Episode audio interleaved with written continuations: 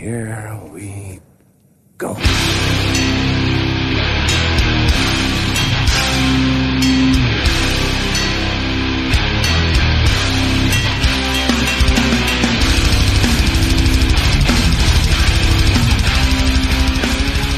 Då så, vi är tillbaka. Nere på noll avsnitt 125. Jag sitter här, mitt emot mig Daniel Nätterdal. Hej hej. Tyvärr ingen Robin. Robin kör ett tvåfrontskrig från Göteborg och, och kommer kicka in ett eget avsnitt med gäster, så det kommer bli dubbelt så mycket poddar här snart. Men... Det är bara skatepunk då eller? Eller så emo, Jag vet vad kör inte, han? Emo-avsnitt? ja, jag vet inte om jag ska spoila det, men han har en, eh, en grej på gång. Kan vara så att han vill ha det lite sekretessbelagt än så länge. Och istället för Robin har vi bjudit in Anders Lövgren. Ja men tjena. AKA, Anti My Hood. Det är AKA gammalt. Master Killer. Ja det är gammalt. Eh, det här ska ju inte bli någon Skavlan-intervju. När vi bjuder in någon som känner en riktig kändis. Utan det här är ju främst för att du är ett stort fan av skivan som vi ska snacka om idag. Nämligen Master Killer. Har vi gjort något avsnitt om bara en skiva någon gång? Det har vi inte. Nej? Så det här är en oprövad mark, vi får se. Men du är även eh, kompis med sångaren Jorge Rosado, spelar i samma band med honom och även bott hos honom i Brooklyn. Coney Island. Coney Island. Eh, mer om det sen. Vi ska gå in på det vanliga, det vill säga feedback och hänt i veckan. Först ut, från Gustav Uppsell, eh, som har börjat lyssna på podden nu och betar av de första avsnitten här. Och de som har varit med från början kommer ihåg när vi snackade om tjackprocenten i i Terror i avsnitt 1. Här är ett annat tjackgäng, det vill säga Hoods. Gustav skriver så här. Som intet ont anande 20-åring blir jag tillfrågad av Boris om jag vill köra ett amerikanskt hardcoreband på en fyra dagars turné i Finland. Självklart säger man inte nej till en sån resa. Utan att ha koll på vad det var för typ av band. Eh, Det var under samma turné som de spelade på Deadfest. De spelade i Örebro och på några fler ställen mellan Deadfest och Finlandsturnén. Turnén. På Sverigevändan tog Skogis över dem om jag minns rätt. Eh, Han borde ha berättat lite om den turnén och vad som ledde till att snuten var efter Mike i Linköping. Eh, Det första jag blev tillfrågad av sångaren, eh, när jag hade plockat dem på Arlanda, och det här var ju Enrique, aka Wreck Havoc, tidigare sångare i New Jersey Bloodline. Ja just det. Det första jag var frågad var vilka droger jag hade på mig. Eh, I don't give a shit if it's weed or crack or whatever man. Eh, men de höll sig ganska hy- hyggligt från slaggis i Finland. Och jag vill minnas att Mike kändes relativt stabil, så när som på några små incidenter. På färjan tillbaka till Sverige var det lite blötare och säkerligen eh, diverse substanstätare. Jag gick och la mig i en hytt eh, innan kvällen var över. Eh, när vi hade lagt till i Sverige och alla skulle gå av färjan kom Mike ut ur sin låsta hytt. Eh, det började med att någon ropade i piat efter föraren till våran bil. Eh, då kom han äntligen ut. Eh, och efter egen utsago så hade han fullt upp med att raka benen. Oklart är om det är någon form av drogintagningsreferens. Eh, när vi kom till bildäck så såg jag att våran bil hade stått i vägen för en hel ramp och spärrat utfarten över hela övre bildäck. När vi hade kört av färjan till Sverige igen hade vi hunnit köra knappt 500 meter innan vi passerade en stor ram med tonade rutor som vann amerikanernas pepp. Äntligen en riktig bil! Just som vi hade passerat den slog blåljuset på och de stoppade oss. Alla fick kliva, kliva ut och blev förhörda på plats eh, om ett anmält slagsmål på färjan. Vi blev väl tagna på att vara tatuerade lowlifes. Mycket kan sägas om Hoods-gänget, men fasen vad de kunde vara trevliga när de väl ville. Efter en kvart var vi släppta av två lätt charmerade snutar. När vi kom tillbaka till Linköping så hade vi gjort upp att vi skulle sova hemma hos mig. Dock var en i vårt kollektiv rädd för Mike Hood, så att det fick lösa sig på ett annat sätt. Kanske var det lika bra, med tanke på en del osedligheter som en stackars finne hade fått upp, uppstå när han hade upplåtit sitt hem eh, efter att de hade sett punkarens upp och nedvända USA-flagga på vardagsrumsväggen. Eh, angående polisnärvaron måste de ha hittat Mike i buskan utanför kupolen och gjort upp med honom att han skulle få komma in frivilligt och anmäla sig efter spelningen. För en stressad Boris kom och bad mig skjutsa in honom till polishuset sen för förhör. Hoods-turné blir nog min första och hittills sista i rollen som turnéledare slash roadie. Tack för en fantastisk podd. Ja, de såg ju hos mig första gången de var i, i Sverige, Örebro. Sjukt ostädat gäng. Eh, jag vill nog minnas att de kastade ner ett gäng cyklar i Svartån och det var slagsmål på rockbaren och ja, det var mycket som hände. De har inte släppt något på jättelänge. Tappar lite kan intresse tänka- också för de Ja, släppte kan massa tänka mig att de kanske blivit lite bannlysta i Europa på en del venues och vissa promoters kanske har, eh, ja jag vet inte, det kanske är lite på seg. Jag tycker det är fortfarande väldigt bra dock. Time the Destroyer är svinbra. Och, Men det kommer ju, det var ju någon som hette Pitbeast och så där. Det där var, det var ju fan inte så jävla bra väl? Spårade ur lite. Gjorde det väl. ja, det var ju liksom ett, ett Mycket getto. Ja, Eh, men ett punkkomp och sen vart det sånt jävla slaktbitan-parti och sen vart det liksom lite fyrtakt och sen ja. charmigt av sin tid. Eh, sen lite feedback på eh, Source Distortion-spelning i Stockholm 97. Eh, från Henrik Norén. Nazivibben var total när de spelade på studion, Rest in Peace, i Stockholm 97. Kö till Kungsholmen typ. Hela Stockholm Skins. A-sharp dök upp. Uh, ja, det var väl typ det på feedbackfronten vad jag vet. Uh, lite hänt i veckan då. Vi har fått brev från Camp Satanic Surfers, där de teasar om nio nya inspelade låtar. Låter jävligt old school. Eh, dessutom hälsar de att usurper betyder falsk kung. Eh, sen har vi ju nya och gamla svenska band och inte mindre än tre nya svenska bolag. Eh, lite självpromotion då först. Prison Riot ska släppa våra båda demos på CD.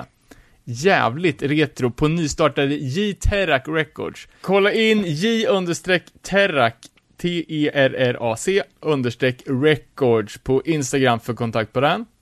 Sen har vi fått tillskickat oss vinyl från Aktion 08, nytt Stockholmsbolag. Eh, sjuan är med bandet Dividing the Scene. Sex låtars sjua som heter City Killer.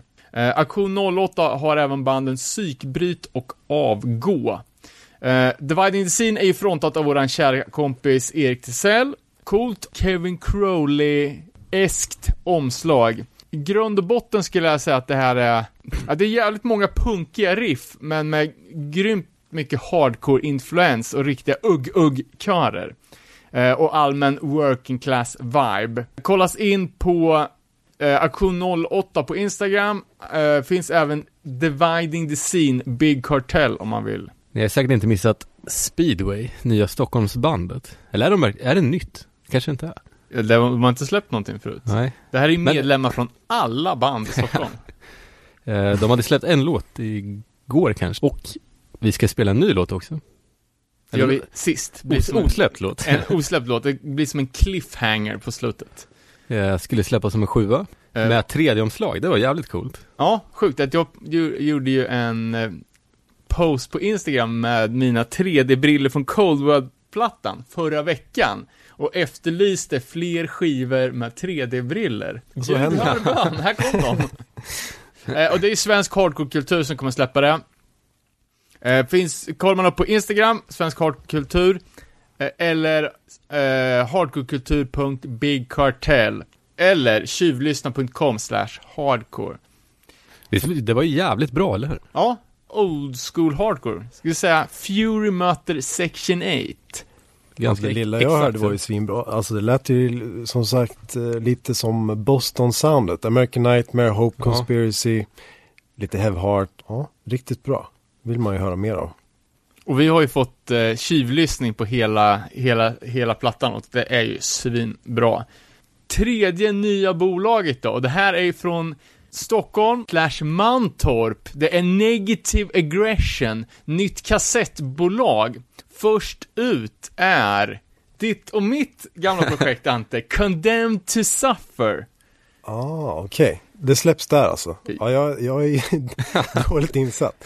Du bad mig skicka låtarna och vi började fixa med det där omslaget och Precis, och jag och David kommer även eh, vara med med Dollar Grim på den här releasen. Och det här är ju ett tio år gammalt projekt, eh, typ All Out War grönsaksmangeldyrk, som Ja. egentligen är ditt soloprojekt, antar jag. Tror, nu ska vi se.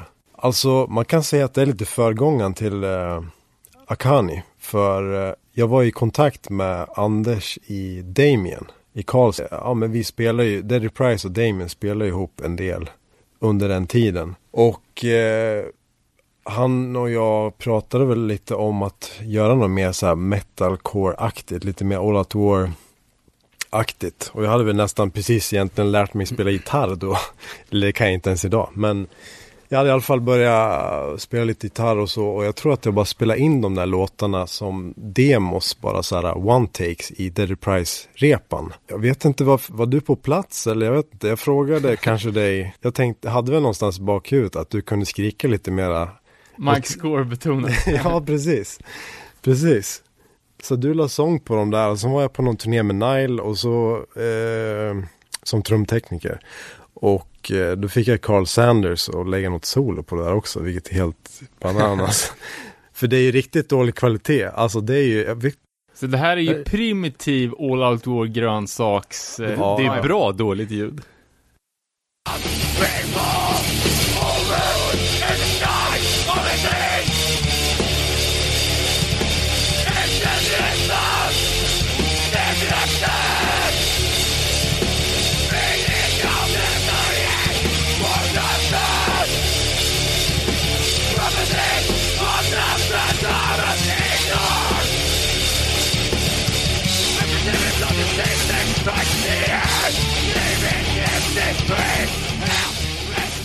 Det är grymt att vi kan få ut det på något vis. Även om det kanske inte är världens bästa kvalitet så men- känslan finns ju där. Absolut, och det är, alltså, jag tycker att det är alldeles för coolt och bra för att hamna liksom på ja, men, eh, internets dammiga bakgård. Det här måste ju bevaras fysiskt, och framförallt liksom fan, Carl Sanders från legendariska Nile, liksom. Ja, jättekonstigt. Fan att han spelar på, på våran, liksom, burkdemo är ju helt otroligt. Ja, och, nej, jag gjorde fyra turnéer med dem eh, då. Eh, så det kände väl han ganska bra. Jag menar, vi jammade på soundcheck och lite sådär. Så det var liksom inget konstigt. Det var bara, yeah sure. Ja, kul som sagt. Jag, jag kan inte eh, minnas att det har funnits något grönsaksmangelband på svensk mark. Har det det? Ja, du och jag har ju lyssnat väldigt mycket på grönsaksmangel. Så att vi, Ja, vi vet ju hur vi vill Sen, att det ska låta. sen dag ett. Ja, precis. Alltså det, det, det kan jag säga, det var faktiskt så jag lärde mig spela gitarr. Det var att spela till Dead Man Walking, ta ut den på gitarr. Det var så jag liksom lärde mig. Vart tonerna sitter och hur man, ja men liksom blir snabb i högerhanden så här och eh, harva med liksom till den där skivan. Nej, det ska ju dyrkas. Eh, jo men just det, eh, Through the Mist of Tears. De var väl eh, klassat grönsaksmangel, eller? Från Göteborg. Vår Ja, kära vän Claes. Glömmer bort dem lite. Ja, man sa ju det när han var här, att det var hans grönsaksband. Jag gillar den som fan då. Eftersom att det låter som Undying. Typ. Ja. Ja, precis. Undying. Ja. Mm. För jag börjar ångra lite att jag gjort mig av med den t-shirten, den var inte så cool. Eh, hur som helst, eh, sjukt fett med tre nya svenska bolag och en stor ära att få vara en del av det som släpps. Eh, ska vi gå in på dagens huvudtema, som är legendariska albumet Master Killer. Eh, och hela den här inspelningen går ut till Stefan Lilja, Rest in Peace, som hade Marauder-kaststjärnan från Master Killer tatuerad i pannan.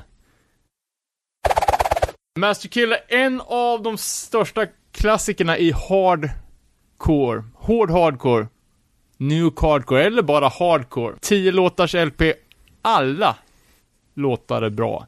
Ett coolt band med en cool historia, ett extremt bra ljud, extremt bra sång, starka refränger och bra gung. Alla låtar är fan typ hits ja.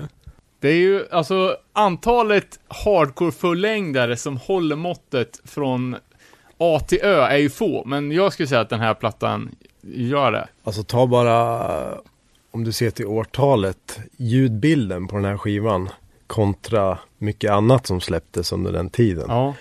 Alltså, Den jag, är ju Jag har precis köpt en, ett gäng svenska 90-tals-demos. Som jag lyssnat på, va- varvat den här veckan liksom med Master Killer och svensk 90-tals hardcore. Alltså... Sa vi, det- att, sa vi att den kom 96? Det kanske inte... Den är från 95. Men det går ju alltså, det är ju... Det går liksom inte att jämföra. Det går nästan inte att jämföra någon hardcore-platta med, med ljudet på den här skulle jag säga. Normandy Studios va? New York. Rhode Island. Warren, Rhode Island. För det, den skivan efter är ju mycket sämre ju. Five Ja. Deadly Venom, Venoms. Jag vet inte vart den är inspelad dock. Eh, Vi snackade om Normandy Sounds som eh, New Kids on the Block-studion för några avsnitt sen. Att eh, en, eh, en hel räcka hardcore-klassiker är inspelade där uppe, men samtidigt så jobbar de med eh, det extremt stora pojkbandet New Kids on the Block parallellt. Mm. Eh, bara för att sätta grundbulten då kring Marauder som band. Bildat 1990 i Brooklyn. Sett lite olika förslag på den första line-upen. Jag vet inte om ni är med på. Gitarr. Javier Carpio, även känd som Sob. Chris, eh, Karate Chris, eh, som vi pratade om bara för två avsnitt sen i eh, New Breed-avsnittet. Eh, han lirade innan i bandet Direct Approach. Samma snubbe startade också All Out War, ett annat favoritband som jag har. Ja, eller hur? Jag, jag stalkade honom lite på Facebook för att kolla vad det var för snubbe, men han verkar vara, ja men typ, amerikanska motsvarigheten till Svensson och åker snowboard med sina ungar, typ. Man tror att Karate Chris ska vara, ja men, komplett galning liksom, än idag. På sång har vi Minus, jag vet inte, är Minus ens ett riktigt namn? Rodriguez heter han i efternamn i alla fall. Minus, det är väl ett nickname. Ja. Ja. Jag har aldrig sett han benämnas som någonting annat än Minus. Han presenterar sig själv som Minus. Och det går att heta Minus enligt eh, namnregistret i USA. Och han är väl också, han är ju en mest känd som eh, sångare i Demise. Eh, där han var den ter- minst tredje sångaren. Bra på inspelning, eh, kanske inte lika bra live, alltid. Sen har vi en ki- kille som heter Amon, eh, som spelar bas, och eh, Vinnie Vital som spelar trummor. Bandet gjorde ju ett par demos, eh, vad jag vet två stycken, en 93 och en 94. Ja, med Minus. Eh, och de var även med på en eh, CD-komp som, som hade väl gräddan av östkust tough guy-banden som heter East Coast, East Coast Assault. Förutom nämnda All Out War som var tidigare så har vi ju även Stigmata uppifrån Troy. Eh, och Marauder och Stigmata gjorde en split tillsammans 1995. Och då hade line-upen ändrats och in har vi Jorge Rosado på sång. Precis, Minus, eh, som jag har fått berättat, han stack väl ut eh, i krig, alltså vad det nu var då, typ Gulfkriget eller någonting. Han joinade militären och lämnade landet helt enkelt. Så de behövde en ny sångare och Jorge kom in. Och han var väl i ett band som heter Full Contact före det. Precis, ett jävligt hårt. Så tänk lite Darkside NYC, nästan lite dödsmetall-influerad New Hardcore. Ja, alltså det låter lite som, jag har inte lyssnat på det här särskilt mycket. Det du är skickade någon låt, det Ja, låter det är- lite som eh, tidiga Crowbar. Lite så här sludgy, Ja. långsam, eh, mörk, eh, gruffig. Jag vet inte, är det hardcore? Typ. Ja, det är ju, det är ju ett uh, hardcore-band, men det är ju jävligt uh, metall-influerat, helt klart. Han hade även lirat i ett band som heter Injustice med Ill Bill. Det var fan otippat. Det var jävligt otippat. Jag kan ju säga också att eh, jag snackade med Jorge igår och eh, det här Full Contact. Alla de medlemmarna var med i ett band som heter Speed Demon före det. Och att han då egentligen bara joinade och att det blev Full Contact. Men det var nog väldigt kortlivat. Kanske finns, vad hade du sett, en demo? Ja, de har en, en, eh, ja, en demotape från En 93. tape, ja precis. Ja. Och jag vet att han som spelar bas, Sal, lirar ju även i det här kortlivade projektet United Blood. Eller UXB, som Roger Myret hade en, en sväng. Eh, och även lirat med, med Murphys låt. Det känns också som de kommer från jävligt stökiga förhållanden. Ja, precis. Eh, återigen då, Sunset Skins. Puertoricaner som gillar metal och oj Och, och slåss. och slåss. Och ny basist då är Rick Lopez. Eh, som har spelat med Bloodclot, alltså John Josephs band. Eh, så Bloodclot har ju funnits på pappret sedan typ 82. Eh, jag vet inte om det är den första eh, old school-uppsättningen eller om det är nutida Blood, Bloodclot. Men hans kanske kändaste band som förmodligen är större än Marauder är ju även The Casualties. Och ny andra gitarrist är Anthony Muschini. Den här nya, nya uppsättningen då spelar in en split 7 med Stigmata, typ de två hårdaste banden på östkusten. Eh, och det här är två band som är polare och som hänger, hänger ihop, liksom fan säkert en tills än idag. Liksom. Ja, vad som skiljer de här banden från många andra, det var ju alltså, det är ju duktiga musiker. Det är väldigt välspelat. Alltså, Chromax, Biohazard, alla de, det är liksom duktiga jävla musiker. Ja. Alltså duktiga gitarrister, de kan sola, det är bra trummisar.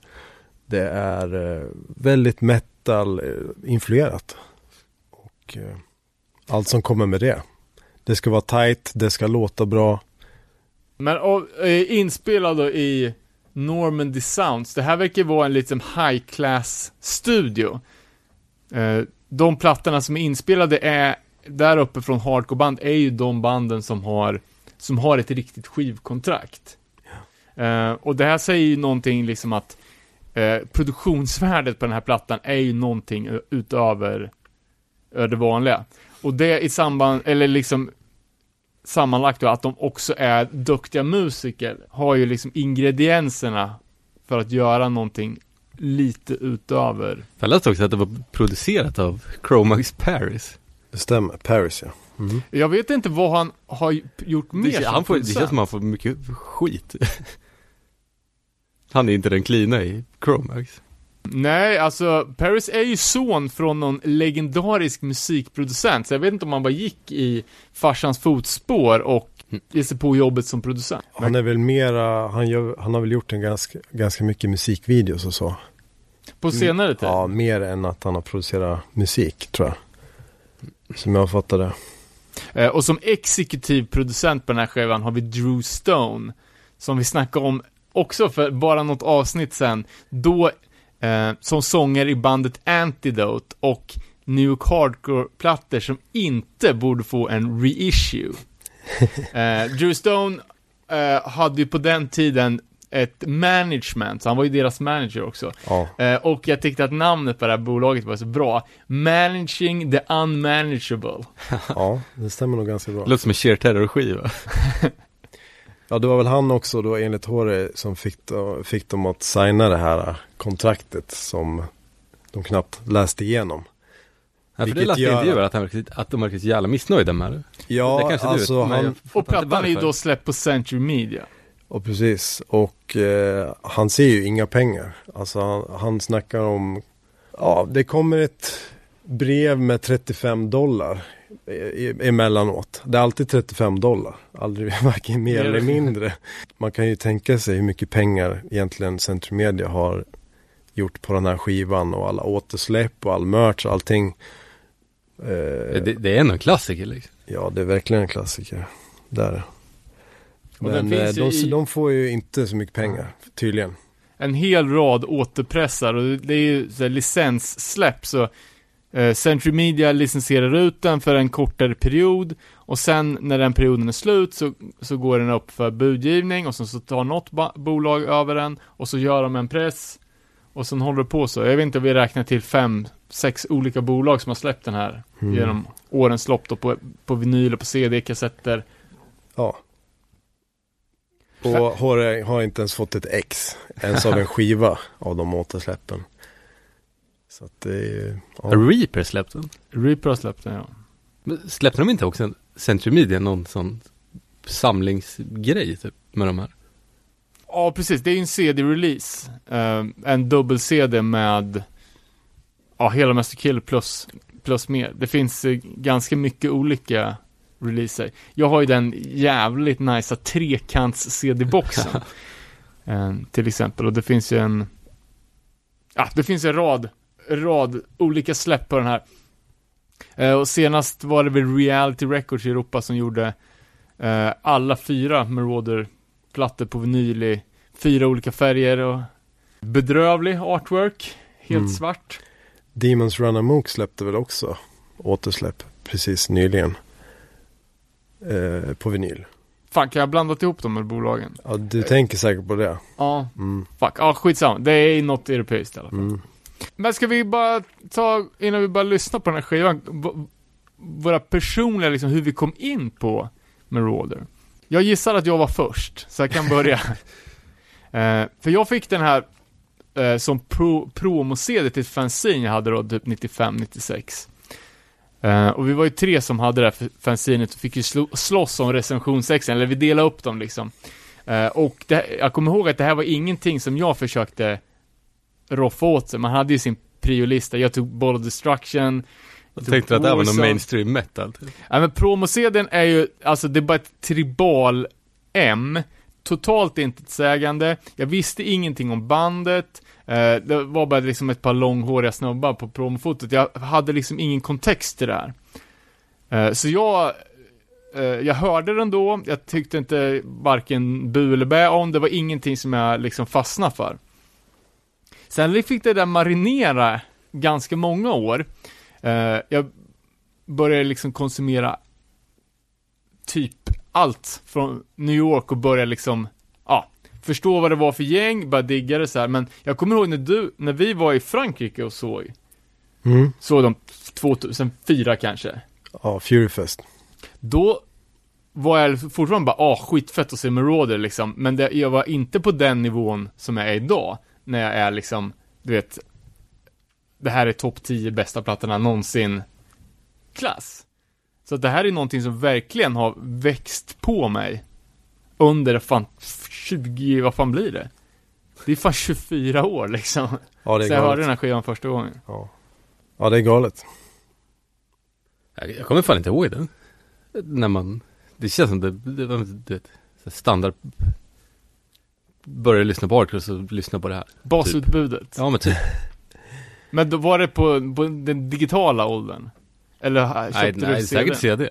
Men jag minns tydligt. Eh, vad var jag då? Jag var, var jag 10 eller 11 år tror jag. Eh, lyssnade på alla Victory-banden, Burning Heart, sådana grejer. Eh, favoriterna var ju Strife, Snapcase, Earth Crisis. På den tiden var det ju 56k modem internet. Och eh, jag snubblade över ofta, kom jag ihåg att jag snubblade över bilder på, på de här banden som jag gillar så jävla mycket. Fotograferat av Daniel Dombrowski, en tjej i Upstate New York.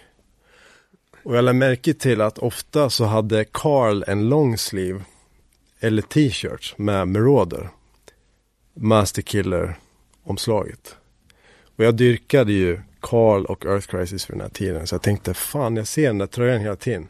Och den ser ju jävligt cool ut. Och på den tiden så fanns eh, en av, jag skulle säga Sveriges i alla fall, men eh, världens bästa skivaffärer i Norberg och Avesta. Vega Video. Väldigt välsorterad skivbutik. De hade allt från eh, Roadrunner, Nuclear Blast, Relapse, Victory, you name it. Century Media. Allt fanns där. Och eh, min farsa hade lite som en grej. Att istället för att jag liksom, ja men typ skulle gå och köpa så här godis varje helg eller någonting sånt. Att jag fick gå och välja en skiva. Så, det var så mitt skivsamlande. Och det intresset började. Och eh, då tror jag, precis när den där hade släppt då, släppts, det måste ha varit då. Och jag hade sett då Carl bära longsleeve med Master Killer och eh, Obituary tröja. Så då gick jag och plockade upp Master Killer och World Demise med Obituary samma dag i samma köp. och då var jag väl, ja men typ 11 då. Och jag hade ju inte hört någonting av det Inte en enda låt, inte en enda ton. Det behövs inte. Nej. Men eh, alltså, jag kommer ihåg känslan av att se det där omslaget på riktigt, hålla i den där skivan. Man har sett Carl bärande tröjan så bara, fan vad cool det här. Idolernas idoler. Ja, men det omslaget. influencer fast. Ja, Ja, på den tiden. Ja. Den här sten-samurajen. Och eh, ja, vad det nu är. New York i bakgrunden, antar jag. Det skiljer Ganska sig snygg, från, alltså. ja det skiljer sig från alla omslag man hade sett. Jag vet inte ens hur det är gjort. Är det liksom handmålat? Det ser ut som någon tidig typ 3D, Jag tänkte, jag Ja. plockade faktiskt fram den förut också. så tänkte också på, paintbrush, är, är någon tidig paintbrush. eh, Är det någon photoshop-grej? Eller är det, det är ju ritat tror jag. ja, det, Det kom- ser, det det kom ser ju väldigt datat ut, men det ser ju fortfarande väldigt bra ut. Det ser ut som nå- någonting som är 3D-printat liksom. Cover art by Brian Buccellato heter snubben som har ritat det. I alla fall, sjukt jävla mäktigt omslag och samma World Demise med Obituary. Eh, det jävla kärnkraftverket Ja, som ryker på, på framsidan. Ja, Jag kom hem, sätter i i skivspelaren och är så, alltså gåshud från första sekund, bara intro, Time Ends. Och det första man får höra av sången av Jorge. Det här, ja, det här ropet eller skriket. Jag är liksom helt såld där. Och samma med, Obituary självklart. Men eh, så där började det för mig. Och eh, helt besatt av New York Hardcore och alla de här banden sedan dess. Och eh, som du sa, vi var på Furyfest. När var det? 03, 04 någonting sånt. Ja, gissa på det. Och då spelade de där, så det var första gången jag såg dem. Och eh, lite annan line-up. Jag kommer ihåg att Gook spelar bas från Sworn Enemy. Han spelar ju alla, alla, Ja. alla hårda band. Och sen tror jag eh, Matti Pasta på gitarr. Som senare spelar med Scarhead, eh, Sub-Zero, lite sånt. Och jag skulle, eller jag önskar att det var, var det Saab som spelar gitarr? Jag kommer fan Ja, jag, inte vet, ihåg. inte- jag vet inte heller faktiskt. Nej, men jag vill tro att det var det. Eller jag, ihåg önskar att, att... att, att det var ganska sval uppslutning. Ja, det var ju, vilka spelade samtidigt? Det var ju tre, fyra scener och det stod, jag tror några i vårt gäng var så här, bara, nej men vi ska gå och kolla typ H2O. Eller något sånt. Du, jag och, var Matte Mors med? Säkert. Ja, bara, vi ska se Murada. Ja, vi ses efteråt. De skulle se typ, inte fan vet jag. Ja, men no, så här H2O eller någonting. Inget ont om dem, men helt klart. eh, De spelade inomhus där. Eller hur? Ja. Det var en, som en vanlig venue. De och Everybody Gets Hurt lirar på samma scen. Ja, och det var så jävla hög volym och så jävla fett. Alltså riktigt jävla bra. Eh, blown away igen. Och sen, ja just det, Harley Flanagan spelar väl också Ja, där. Han gick runt i bara över där inne i merchen. Och, Har han ens haft Har han någonsin haft? Ja, exakt. Är det, är det, var det då han sa What's up with you people and gas? Nej, för det var ju Frankrike. Det var på The Pressure Fest, för det var jag på. Eller också är det bara, eh, ja. när, När, när han, eh, skulle dricka vatten på scenen. ja. Ja, gas. Och typ- Ja, ja, ja, just det. Ja, det måste ha varit det. Men det här var ju Harleys War, hette ju det bandet. Mm. Inte så bra. Ja, det var en jävla line-up alltså. Han inte bara Today Chromax spelar väl också. Nej, det var på With Full Force. Okej. Ja, ja, skitsamma. Men samma liksom, du ser det omslaget och sen vänder du. Då har man inte sett det. Jag har ju bara sett alltså Karls jävla longsleeve. Med den här kaststjärnan och samurajen. Och så vänder man på skivomslaget och ser den här bandbilden. Och då är det också en sån här grej bara, shit, det här, det kan ju inte vara dåligt. alltså. Skulle man se det idag skulle man ju sol- tänka, det här kan vara dåligt. Solbrillor, hattar, wife beaters, eh, polerade snygga skor, eh, muskler, tatueringar. Eh, men framförallt man lägger ju märke till Jorges eh, ninjaflätor där. Ja, det är så jag, jag var helt såld på det här. Du vet, förr då också på den tiden man kunde sitta och verkligen studera ett skivomslag, texter, tacklistor, bandbilder. Det var ju det, liksom den flykten man hade liksom, eller den Satt och fantiserade om de här banden liksom. Vad fan, vad, vad vad, gör, vad gör de här egentligen? Är de, det ser ju ut som att de bara är ute och vevar ner folk och är de säger riktigt också farliga. det, bara, det är så mycket rykten och kontroversiell, kontroverser kring vårt band. Ja. Och allt är sant. Ja, precis. Ja, nej, sen vidare då. Man följer det här bandet och eh, i och med The Reprise, jag vet inte om det var våran andra Europaturné tror jag, så, så fick vi chansen att spela med Marauder i Hamburg på Hafenklang, en liten klubb nere i hamnen där. Och det måste ha varit eh, 2008 tror jag. Så då fick jag ju, då träffade jag ju Jorge eh, första gången och vi bytte kontakt och alltså jag fattade ju där och då att det här är ganska, eller jävla, fan vilken rolig snubbe tänkte jag. Schyssta snubbar liksom, down to earth och eh, det var en jävligt bra kväll, det var en bra vibe, man var väl lite rädd i början, tänkte att fan vi kanske får stryk eller någonting men de var jävligt schyssta och tillmötesgående och vi bytte kontakt och vi hade lite kontakt därefter. Eh, och sen då när det blev eh, alltså när vi startade Akani, jag och Anders Björler då från, från At the Gates. Vi brukade ju eh, när jag åkte, jag turnerade med dem i tio år som, som eh, roddare, alltså trumtekniker, gitarrtekniker åt Haunted At the Gates. Vi brukade ofta spela hardcore-låtar och merader låtar på soundcheck. Eh, typ jag spelar trummor, Anders gitarr och ja men vi liksom vi testar grejerna, testar ljudet va, och så. Så blev det liksom så att vad fan vi borde vi borde starta, eller vi gör en hardcore EP eller någonting sånt. Och så frågade jag Jorge om han ville kunde tänka sig att sjunga. Och eh, han vart ju svinpepp såklart. Eh, för att han älskade ju At the Gates och vi hade med Viktor från, han var i Entombed då. Eh, så då var den bollen i rullning. Och sen eh, har åren tickat på. Vi har haft väldigt bra kontakt sedan dess. Och släppt skivor och Det trodde du inte när du var spelat. 11 och satt och studerade Nej, det trodde jag verkligen inte. Precis, att man skulle sitta i hans källare och, och röka gräs tio år senare liksom. Och, och att han skulle lägga sång på, på mina låtar. Jävligt sjukt. Eh, surrealistiskt.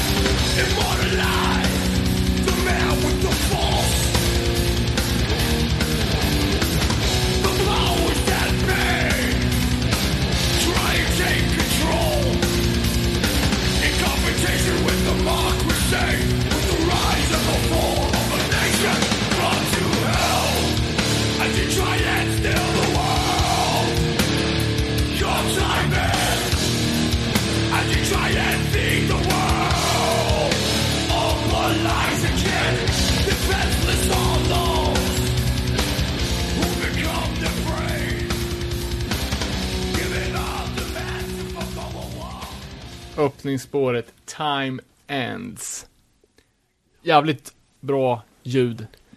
Jävligt bra låt. Ja, Sjukt bra låt. Det är kul, kul att du nämnde Earth Crisis också, för Earth Crisis har ju alltid creddat Marauder som en influens. Men det verkar gå åt andra hållet också, att de har varit sjukt bra polare och gillar varandras band. Trots att de har så olika liksom livsstil och Ja visst, liksom jo. kanske värderingsgrund också. Ja, jo Men det är ju samma liksom med Madball. Madball och Earth Crisis delar turnébuss. Eh, ma- då första större eh, USA-turnén de gjorde ihop. Och man kan ju tänka sig att de inte skulle komma så bra överens. Nej. Men eh, best buds ever since Ja. tydligen. Så, Men det är ju Hardcore Unity. mm. Eh, och Earth Crisis som liksom letade efter en studio som de kunde få ett vettigt ljud i. Destroy the Machines är ju från samma år. Earth Crisis hittar några metal, kristna metalheads i Pennsylvania för att spela in i deras garderobsstudio Trauma. Och samtidigt då har vi den här plattan som har kanske hardcore-historiens fetaste eh, produktionsvärde. Ja. Eh, Men alltså, haters skulle ju säga bara, men det här är bara, det här är generisk metal, det är några, liksom några thugs som spelar generisk metal. Och om man läser liksom så står det bara, ja men den här skivan är inspirerat av band som Propane, Machine Head, Sepultura, Helmet, you name it. Eh, Men det står också lika mycket att, ja den här plattan är typ låter likadant som andra plattor som kom den här tiden, typ Burn My Eyes eller Chaos AD. Men jag håller fan inte med om det, vad tycker ni? Nej, jag, jag Nej, tycker Den, är, den är väldigt säregen och eh, låtarna säger också, alltså du kanske kan dra vissa, alltså man hör väl influenser från eh, Chromags och kanske Obituary och pff, Bolt Thrower, lite så, men alltså de har ju skapat sig ett helt eget sound och det här långsamma groovet hela Ja. tiden, det är så New York, tycker jag. Alltså det är verkligen Är det inte jävligt biohazard? Ja, mycket Biohazard, Chromax. Men eh, ännu bättre ljud på något vis. Ja. Alltså det...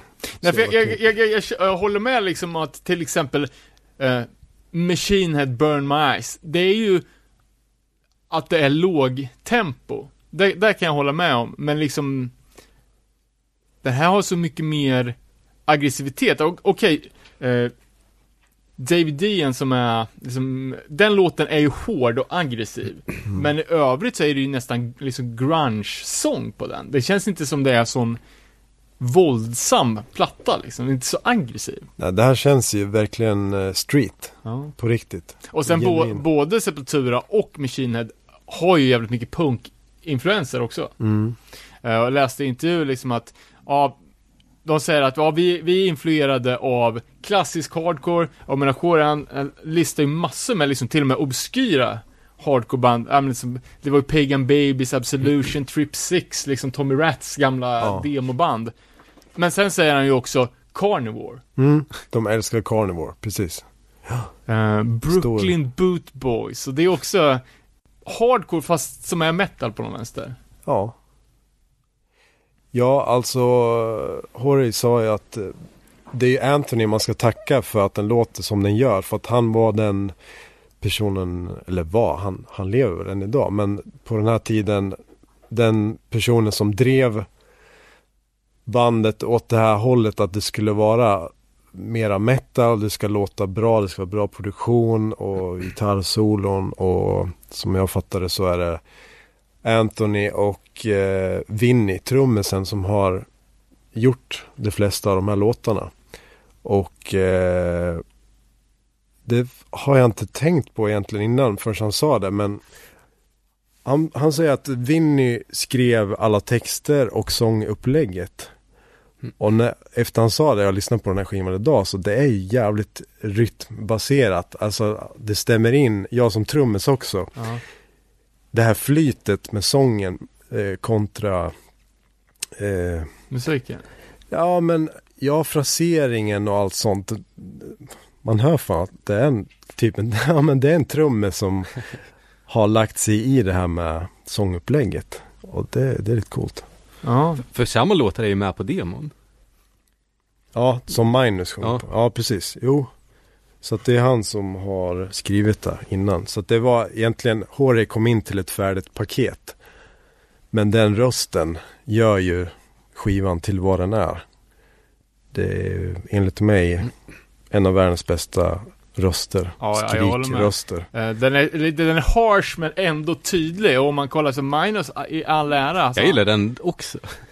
Han har ju, han liksom, han ligger lite högre i pitchen, men han var inte alls lika konsekvent live. Ser man liksom Marauder Majore så är det ju, då låter det exakt som på skiva. Minus, han kunde sväva ut lite och liksom, ja, det låter, det låter inte som på, på demon. Nej. Nej, HR är, det är sån jävla volym i hans röst också. Alltså du står i samma rum när han, när han skriker. Alltså, eh, det är sån jävla volym och det kommer så naturligt.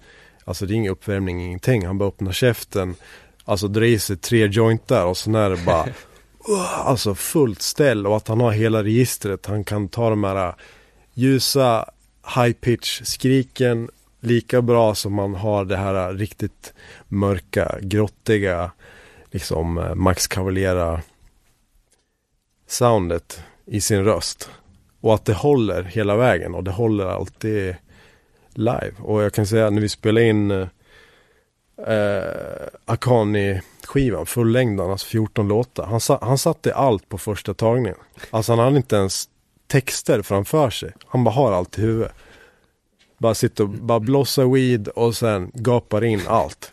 Bara, shit, det här är ju helt sjukt bara. Men ta en till tagning då, bara för att safea. Så det är, ja men, två, tre tagningar per låt gjorde vi. Och, men oftast så var det första taken var liksom helt klockren från början. Alla ord, allting, det är liksom jag vet inte vad det kommer av, men han, han har ju lyssnat väldigt mycket på hiphop och såhär eh, snabb, liksom samba, såhär eh, Salsa. Salsa, puertoricansk eh, rootsmusik och så. Han har väl det där rytmiska i sig antar jag bara att han Det där flowet bara finns där naturligt. Och Ja. det, det visar sig från, alltså den här time ends, från start till slut. Det är sånt jävla gung, alltså det Det svänger ordentligt, Ja. tycker jag. Ja, men det är det som gör den här låten och hela plattan, alltså, det är ju liksom sån jävla swag-attityd och, så, och gunget, det är liksom ingen hets. Man behöver inte spela cross för att vara hårdast, utan de här var kör så bara måttligt tempo, det, och ändå det, blir det så jävla hårt liksom. det är sånt jävla bra intro på en skiva. Jag kan inte komma på något annat, någon annan skiva som har sånt här bra öppningsspår. Det bara sätter tonen direkt alltså. Riktigt jävla bra. Ska vi gå vidare till nästa banger då? Life is Pain som också var med på Minus-demon, men här riffar de på ett lite nytt sätt. Alltså, det här sågande gitarrspelet som det ska bli mer av. Jag, kan, jag vet inga liksom andra hardcore-plattor som har den typen av gitarrspel. Uh, All At War som vi var inne på har ju jävligt metalliska grejer, men de har inte den här riktiga jävla Marauder-sågen. Det enda jag kan tänka är Sub-Zero 7 eller fanns med på demon också, Boxed In. Uh, skriven av Richie, som också spelar med Breakdown. Uh, det enda gången jag stött på den här jävla sågen. Som, Ja, det är väldigt eh, precis. Jag tror att många europeiska band, om du tar till exempel Born from Pain, Heaven Shall Burn, eh, sådana band. Man, man märker ju att de har ju lyssnat på den här skivan ganska mycket.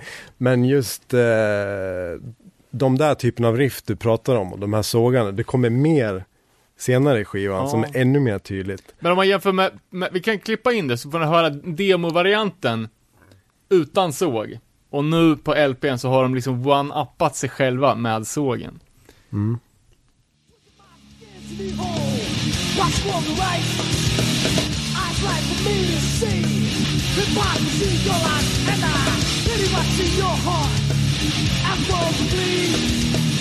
I'd rather die on my feet than live life on my knees. Life is fair. Life is fair.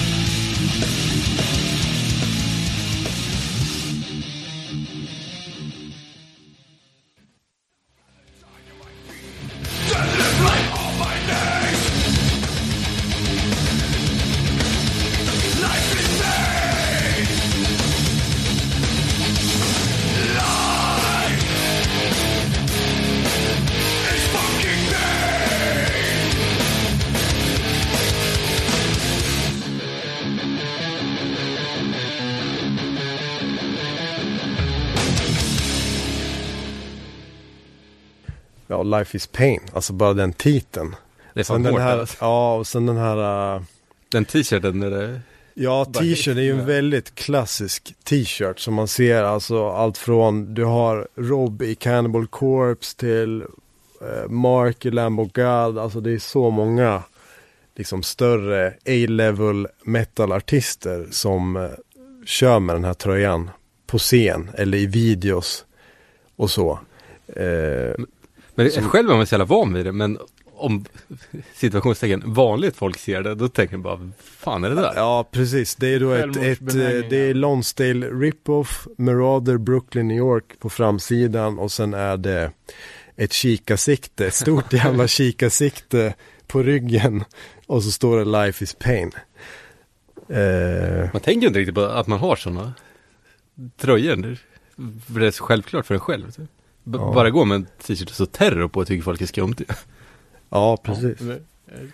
Jag gjorde en turné med eh, eh, Dark Funeral 2010 eh, som trumtekniker och då hade vi en merch, eh, en amerikansk merch-tjej som bor i, i Sverige. Hon heter Erin. Och eh, jag har på mig den här t-shirten och hon bara direkt så här bara Va? Har du på dig den där? Den där har jag gjort. Jag bara, Va? Vad menar du? bara, ja, jag, jag designade den där. Så det är en, en tjej då som bor i Stockholm nu som har designat den där. En av de mest klassiska t-shirtarna inom New York Hardcore. Eh, den här med kikarsiktet. Hon skulle ju fan åka limo bara Ja, eller- pengar. Ja, nej, jag vet inte vad hon fick för räk. Alltså, typ 20 dollar eller någonting, om ens det. Men ja, den har ju satt sina spår. Jag tycker man ser den överallt. Ibland ser man den på någon flygplats eller någon gammal farsa någonstans. Ah shit, coolt såhär. Man gör lite såhär fist. eh, Mental fist bump. Ja, precis. Nej, och sen alltså texterna. Redan här, du har ju First Time Ends. Det är så bra texter. Men sen Life is Pain. Eh, jag tänker på den här raden. Eh, I'd rather die on my feet than live life on my knees. Ja. Det där har ju satt sig för mig. Alltså att det här är hela tiden. Ja, livet kanske är skit men det är bara kämpa på. Och, Suppress the anger. Ja, alltså man kan väl eh, referera lite till skitsystem också. Hellre dö i blod än att leva i skit. eh, Nej, jag- jag, gill, jag gillar Ja. den typen av Eh, och som jag lyrik. eh, har tänkt på nu när man läst texten mycket att eh, vers 1 brukar oftast måla upp ett scenario, typ som att det sjunger om depression. Mm. Eh, men vers 2, då byter man liksom eh, fokus och då handlar det liksom om att stå upp mot påtryckningar. Mm. Eh, eller typ resa sig. Så är det på, på, på många texter att eh, de olika verserna sjunger om, om samma saker fast ur olika perspektiv. Kommer säkert komma tillbaka till i, i, i andra låtar. Men det är ju en jävligt stark refräng och det är en jävligt bra låt. Alltså den... Jag Trots... skulle säga att det är favoritlåt på skivan för, Ja. för mig. En av de, ja precis den här, man ser dem live så är det den här låten som har mest, eh, eller bäst respons oftast. Och Hatebreed gjorde väl också på For the Lions, deras coverskiva, gjorde de väl den här låten, Life is Pain. Eller ja, eller jag vet att de brukar köra den.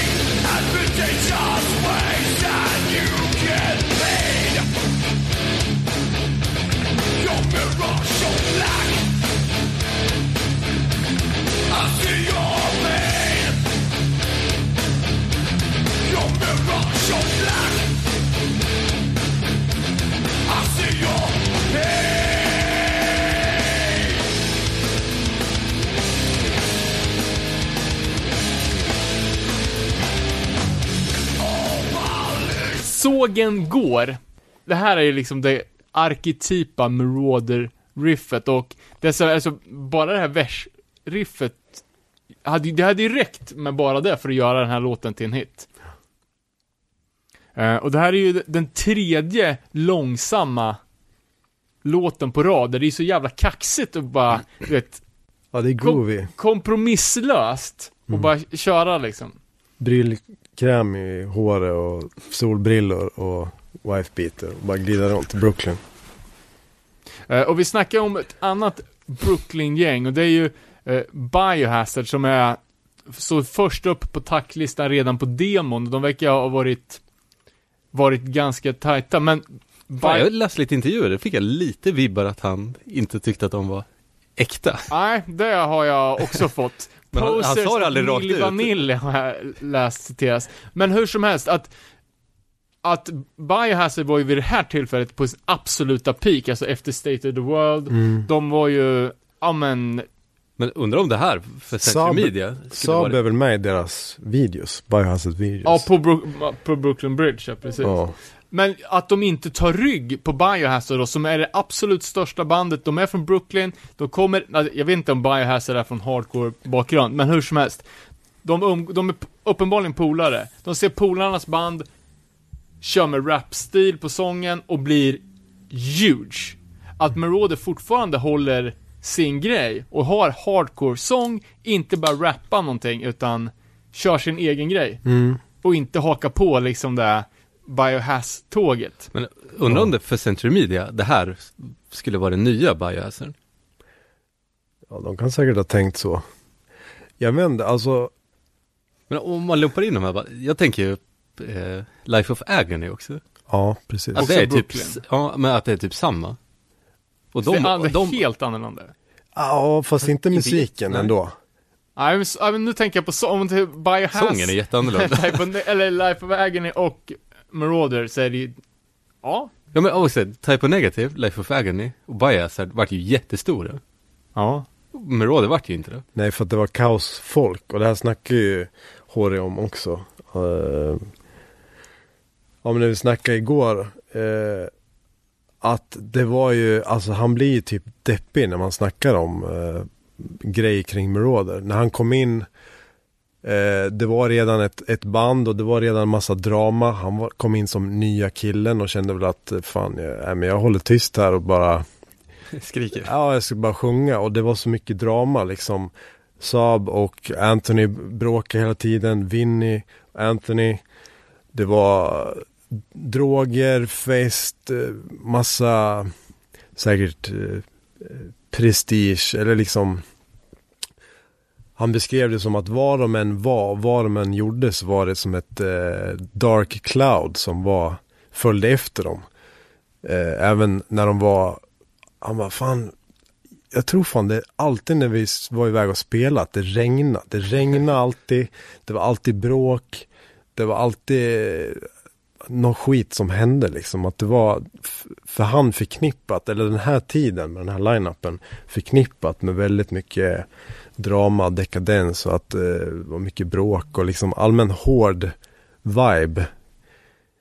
Eh, inom bandet och säkert i scenen och eh, jag vet inte på den här tiden i CBGB så allt liksom hur, hur pass eh, Alltså de såg sig kanske som ett metalband men hamnade i hardcore-facket på något vis.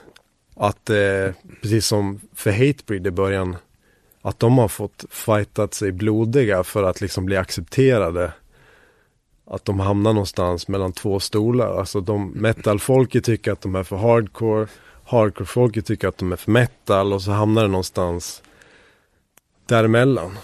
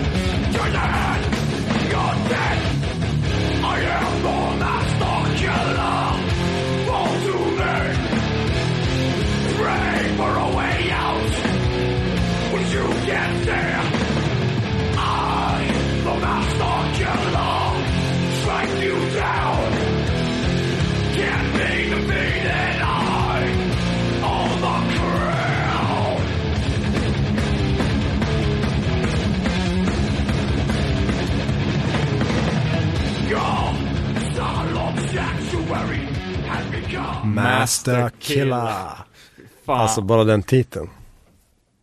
Man blir så jävla glad av den här låten.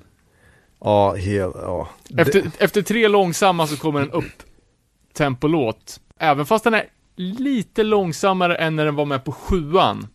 Stigmata Split 7 som har en lite mer gruff produktion. Också jävligt bra. 100% attityd. ja men det är så mycket, alltså den här låten ger ju en så mycket självförtroende tänker jag. Den har alltid stärkt mig. Eh, om man mår skit, om man är jävligt seg. Alltså, det är här gymlåt. Dra på den här på gymmet så orkar du lyfta Dubbelt så mycket. dubbelt så mycket. Texten, ja. Alltså, I am the master killer, strike you down, can't be defeated, I own the crown. Eh, och sen den här raden, pray for a way out which you can't see. Alltså, det, det är ju genialisk text tycker jag.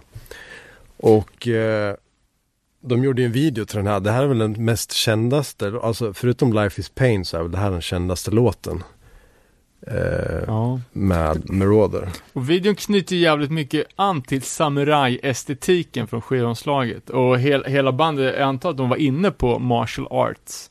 Ja, precis. Kampsport, kickboxning, vanlig boxning Ja, för han sitter ju, och bänkpress. han sitter ju på någon tron med sån här Ja, det är väl två snubbar som Gång, kör gång. gång, gång. nunchucks, vad heter det? Ja, men precis. Och det är samurajsvärd och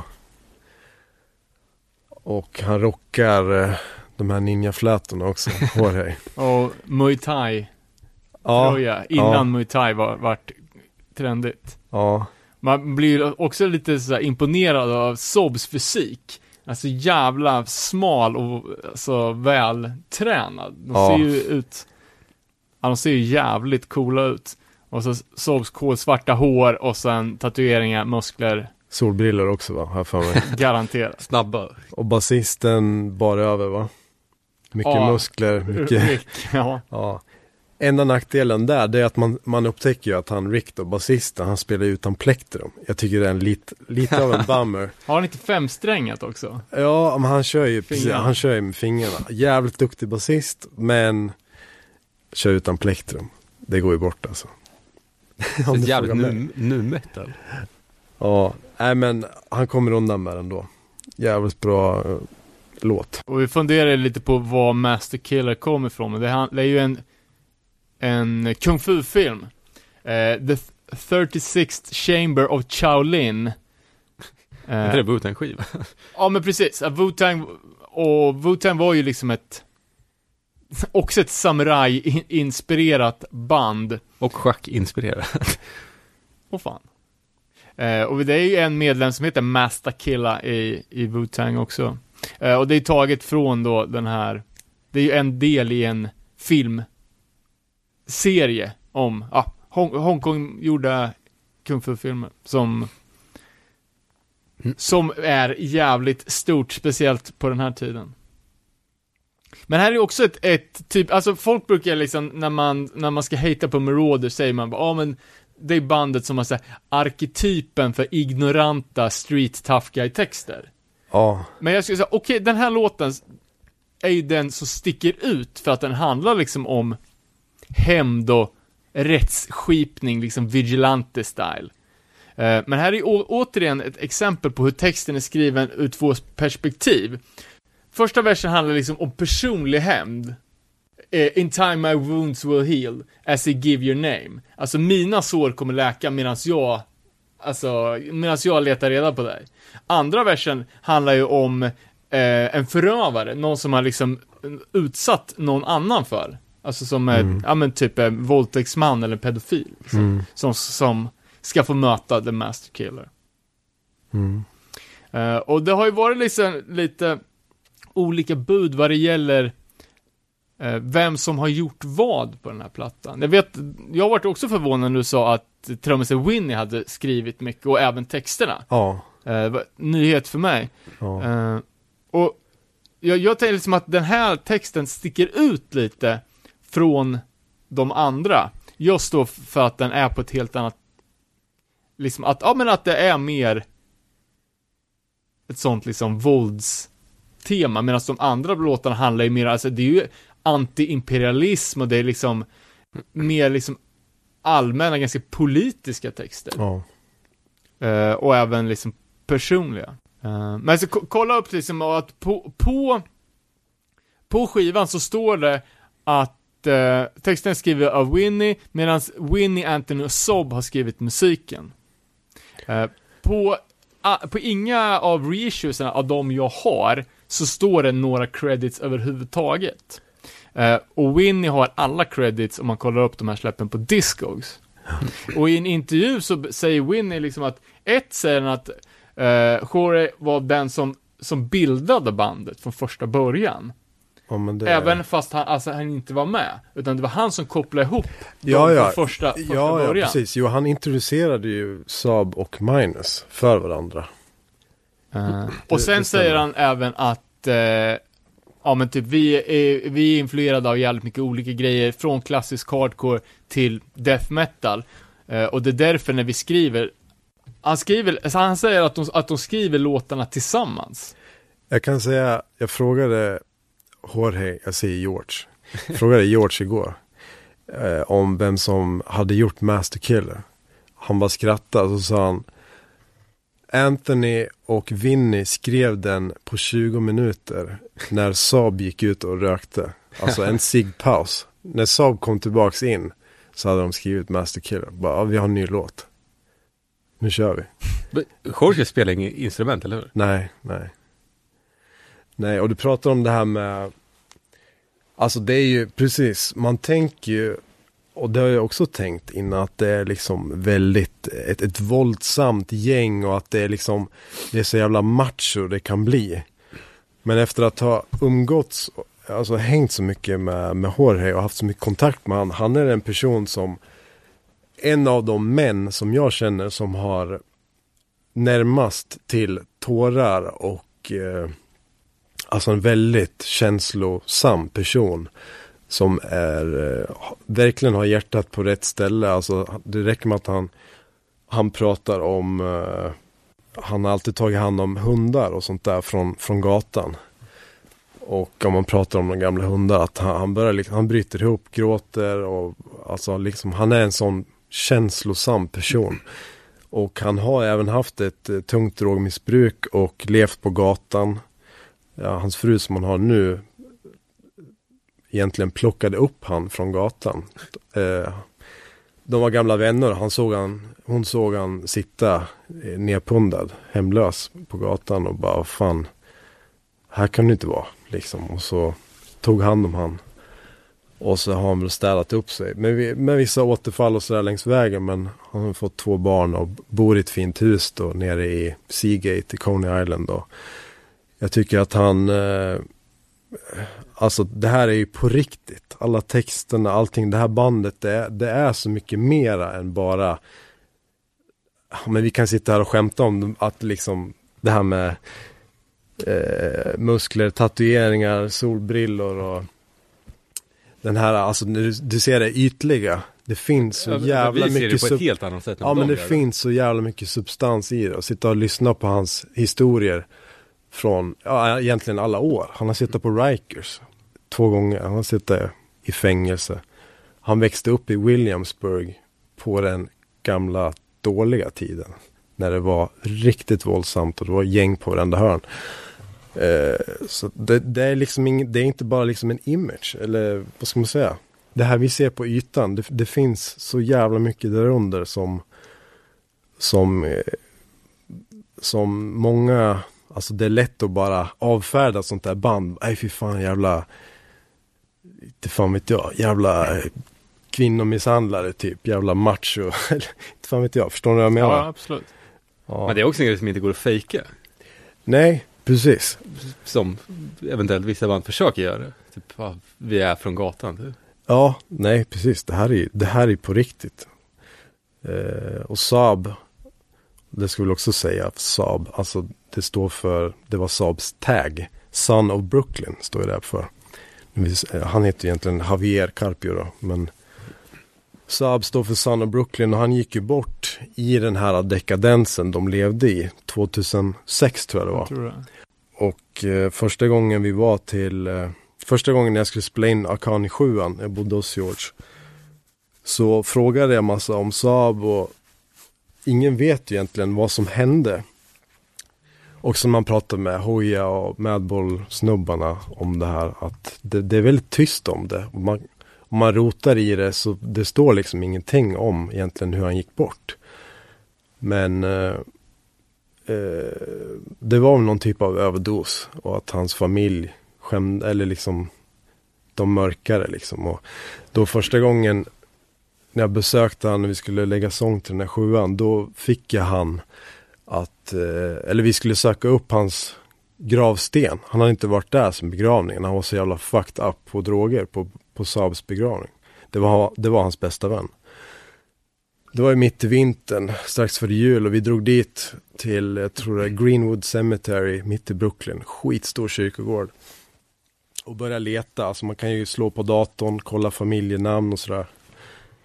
Vi hittade inte på, vi hittade inte på, eller vi hittade platsen men det var helt fel namn. Bara, fan det här kan inte stämma liksom.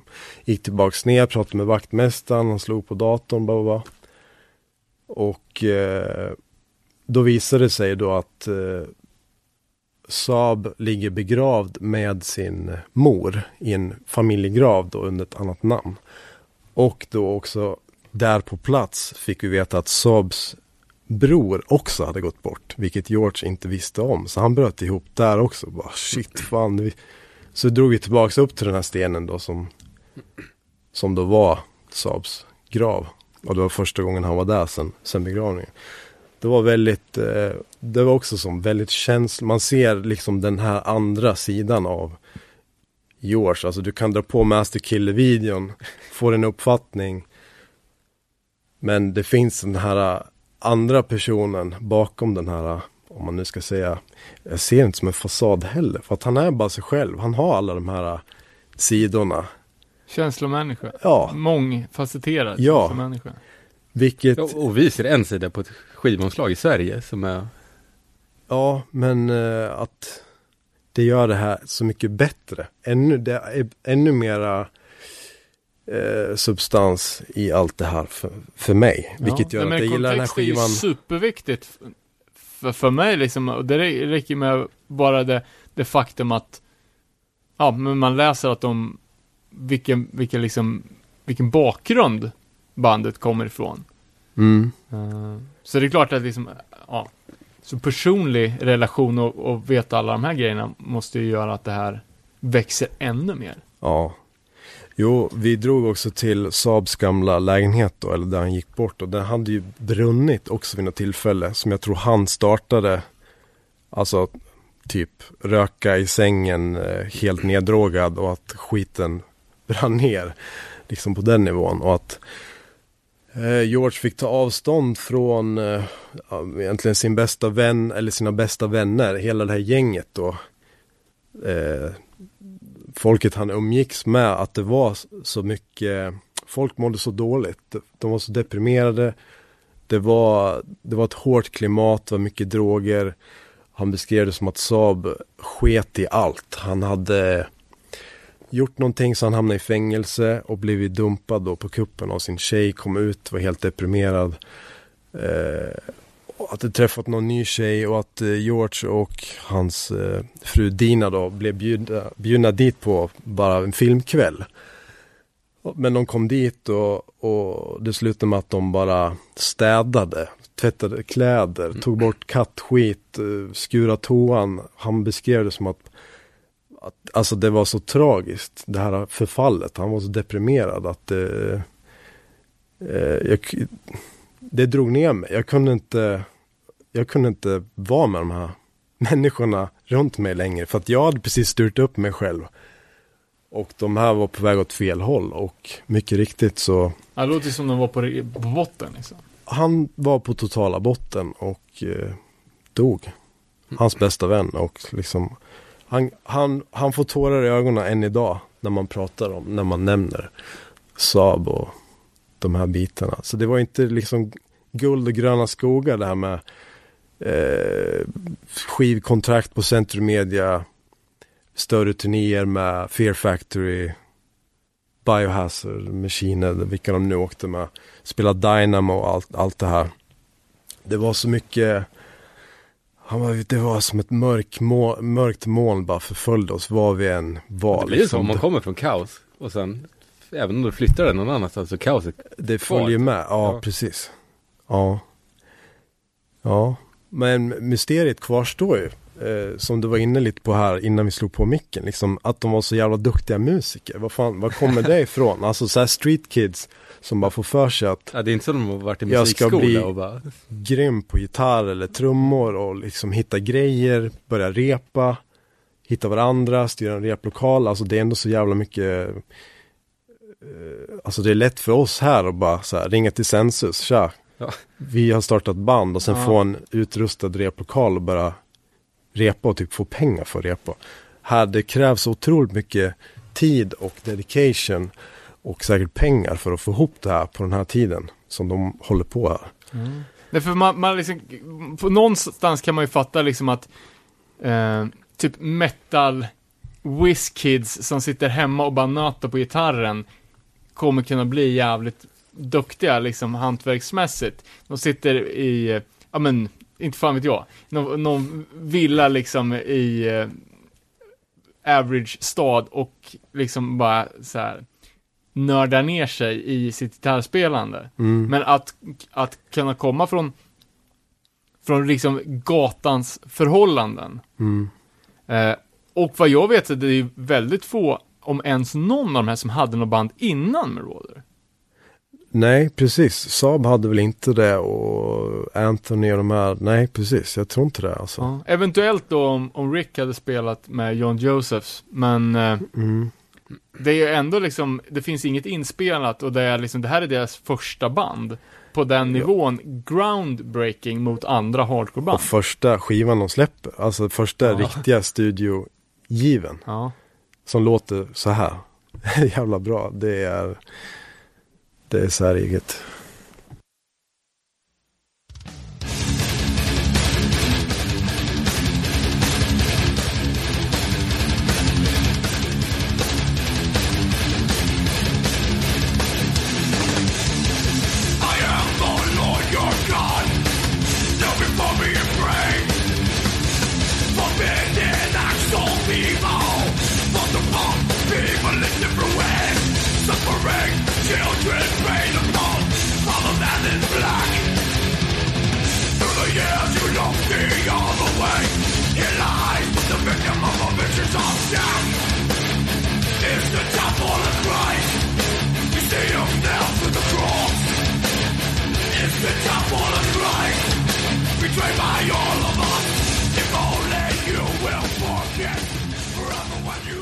Downfall of Christ som sitter ihop med Master Killer som att det vore en och samma låt. Alltså e- extremt bra låt också. Där har du det där äh, gitarrspelandet som äh, har definierat hela eh, Alltså jag tänker på band som Born from Pain som jag var inne på. Born from Pain och Heaven Shall Burn och den scenen i Europa som eh, alltså egentligen rippade Callous Life, Marauder rakt av. Här har du ju Ja, men alltså listan på band som har, ja, som, har spelat in Marauder covers kan ju göra- göras lång. Som Twitching Tongues gjorde ju Master Killer. Eh, Heaven Shall Burn har ju spelat in den här, den här, låten. ja den här låten, ja, precis. God Forbid har också spelat in Master Killer och eh, två andra metalband som jag inte känner till, så jag också har, har gjort Marauder covers på skiva. Hatebreed kör ju Life is Pain på, på den eh, tribute coverplattan. Eh, Men något som jag tycker är också så jävla fett med den här låten är ju den här basbomben som ligger i, i det här mellanpartiet. När de Mm. går ner på, på det, ja, det ty, tyngre gunget och den här är liksom, det är nog som, som segling med sången som sveper över. Men jag har aldrig hört en sån jävla baston alltså, på någon annan platta.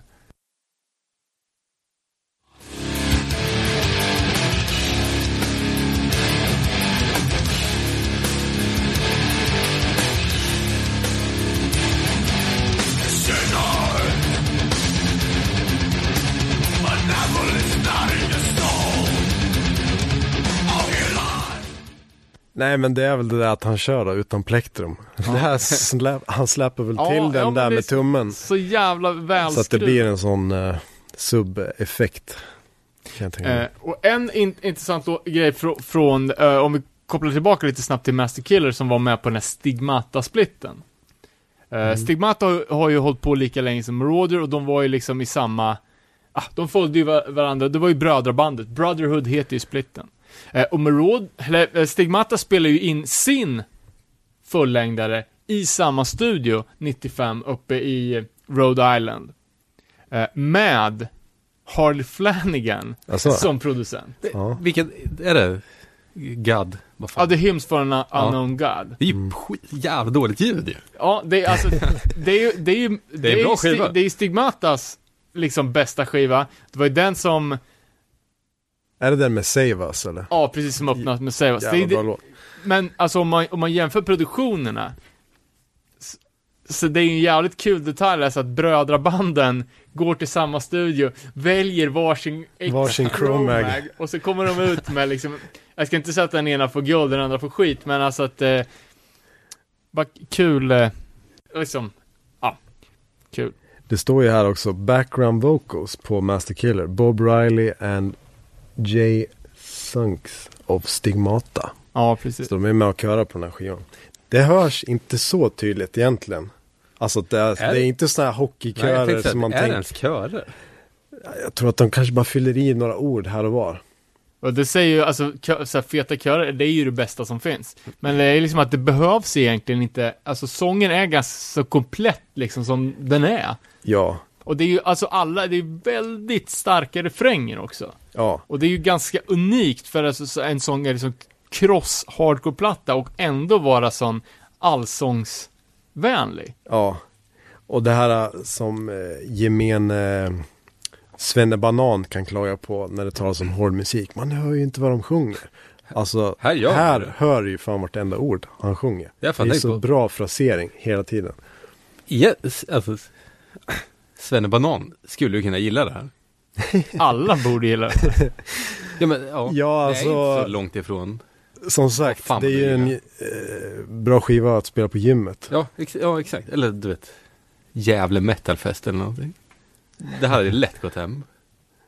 Ja. Eller ja, kanske. Efter, efter sticket så går de upp med och så den klassiska ra- raden Centuries of Marauders fighting in the name of their God. Eh, och det är ju så, alltså, jag, det tog ganska länge för mig att fatta att det, det klassiska svenska, eller det är ju egentligen ett franskt ord, marodör.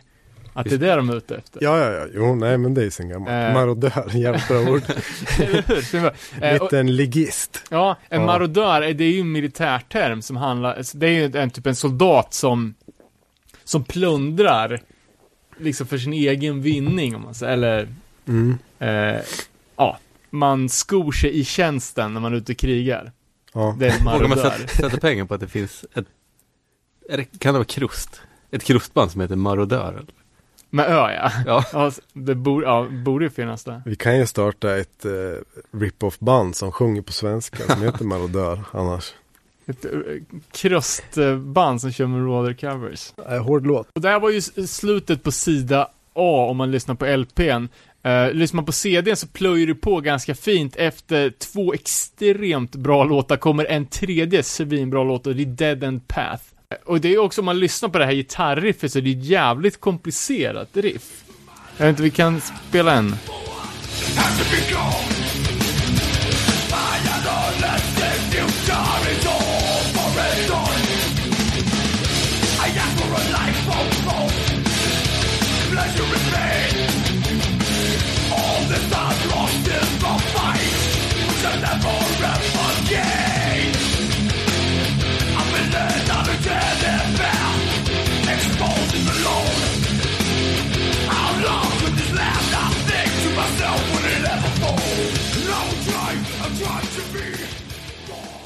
Ja men återigen en låt med jävligt mycket bounce och swag.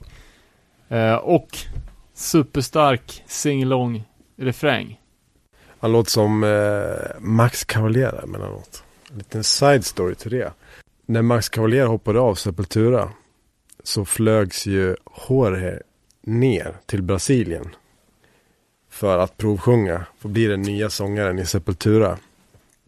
Kring eh, ja, 97 där någonstans, 96, 97. Och eh, jag kan inte tänka mig någon annan sångare egentligen. Alltså jag älskar ju Derek Green och första skivan de gjorde med han, Against, tycker jag är svinbra. Eh, men Håre låter så jävla likt Max Cavalera. Och han har ju ett annat sidprojekt, eller hade, ett som heter Ragman, där de Ja, spelar det. in Territory med Sepultura. Och det låter ju nästan identiskt. Men ja, han låter mycket som Max Cavalera, kan man dra lite paralleller Vet du vad som till. hände då? då? Eh, ja, han fick väl typ gigget. Men det, eh, sen fick han inte det på grund av att, eller som han beskrev det, de hade precis turnerat med eh, Pantera. Sepultura och Pantera var ju bros då. Och eh, de hade kommit på tal och eh, Jorge hade sagt någonting om att Phil Anselmo var en racist redneck motherfucker. så då hade, han, då hade han fått flyga hem och så fick han inte vara med i Sepultura ändå. Eh, jag kan tänka mig att han eh, kanske var lite kaotisk som snubbe också. Derek är ju lite mer sansad. Men ja, det, det kan man ju tänka på också emellanåt. Eller jag kan göra det. Vad hade hänt? Hur stora hade Sepultura blivit om de hade Jorge på sång efter Max? Jag vet inte. Och vad hade de gjort för typ av skivor? Vad hade hänt då kan jag tänka. Ja. För det hade varit jävligt coolt, definitivt. Ja, det var ett sidspår i alla fall. Vi pratade också om El Nino förut. Ja, precis. Han sjöng ju i El Nino, de startades, Vinny, trummisen i Marauder som spelade på den här skivan, Master Killer, startade väl El Nino 99, 98, 99. Eh, och de finns väl än idag och är väl klassat som något typ av Jag har aldrig hört det. Men A, B-level new metal band. Jag vet att jag såg dem på Hultsfred. Kornband. Ja, så nedstämt. Eh, lite percussion tror jag de hade, lite såhär Ja. brasilianskt eh, Ja men liksom de, inslag. de var ju liksom latino-varianten på new metal. Det var ju deras ja, oss. precis. De spelar väl på Hultsfred och lite sånt där tidigt 2000-tal. Då sjöng inte han då. Eh, nej, de vart väl väldigt osams. Han berättade igår varför. Jag kommer inte säga det här. men men han, he couldn't fucking stand being around Vinny anymore. Det var slutet på det. Men han körde väl vidare och de har väl haft beef ever since. Så jag har också hört någon eh, liten side story på omskrivna kontrakt och grejer. Att, eller att Vinny skulle ha roffat åt sig massa pengar. Från den här skivan då. Centrum Media. Jag vet inte, så gott, jag vet inte. Gått bakom ryggen och typ att han och Anthony skulle ha konspirerat ihop någonting. Som genererade mer pengar till dem. Någonting med rättigheter och så. Jag vet inte. Ja, men jag såg även att George har skrivit själva låten som heter El Nino. Mm. Eh, och sen från den sista Marauder-plattan, God Is I, eh, är ju en, eh, en, en, en El Nino-låt som han skrev. Och eh, en till grej kring det. Jag tror att före den här God is I skivan släpptes. Alltså det fanns ett band, ett projekt som hette God is I. Som jag har hört demon av. Som startades av Scott i Earth Crisis. Okej. Alltså Scott spelade in en demo. Där han spelade gitarr och jag tror fan med att Dennis, alltså Dennis Merrick från Earth Crisis spelade trummor på den. Och vem fan var det på gitarr? Eh, det var någon mer på gitarr. Men att Håre sjöng på det. Så två, tre låtar. Eh, som aldrig släpptes. Det vart ingenting med det. Det lät Men det projektet- bra. Hette God is I.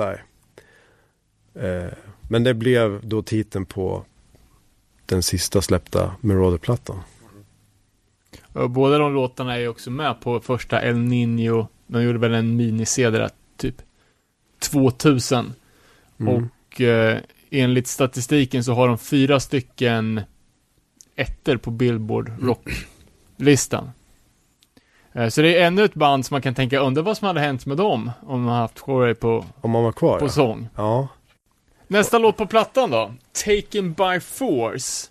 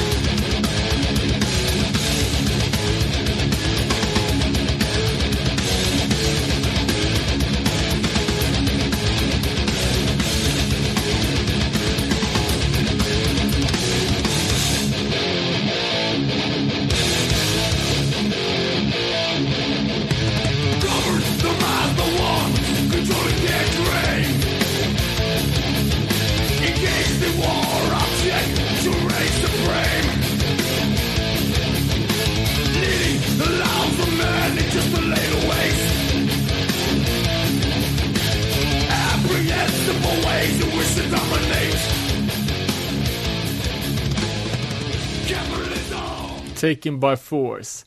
Capitalism always first in the line. Damnation destroy mankind. En tydligt anti-imperialistisk text. Chromags i lite nerslöd. Ja, det är riff, tempo. ja. Ja, väldigt tycker jag. Sista låten som har text med på plattan, de tre avslutande låtarna, är ju alla gamla demolåtar.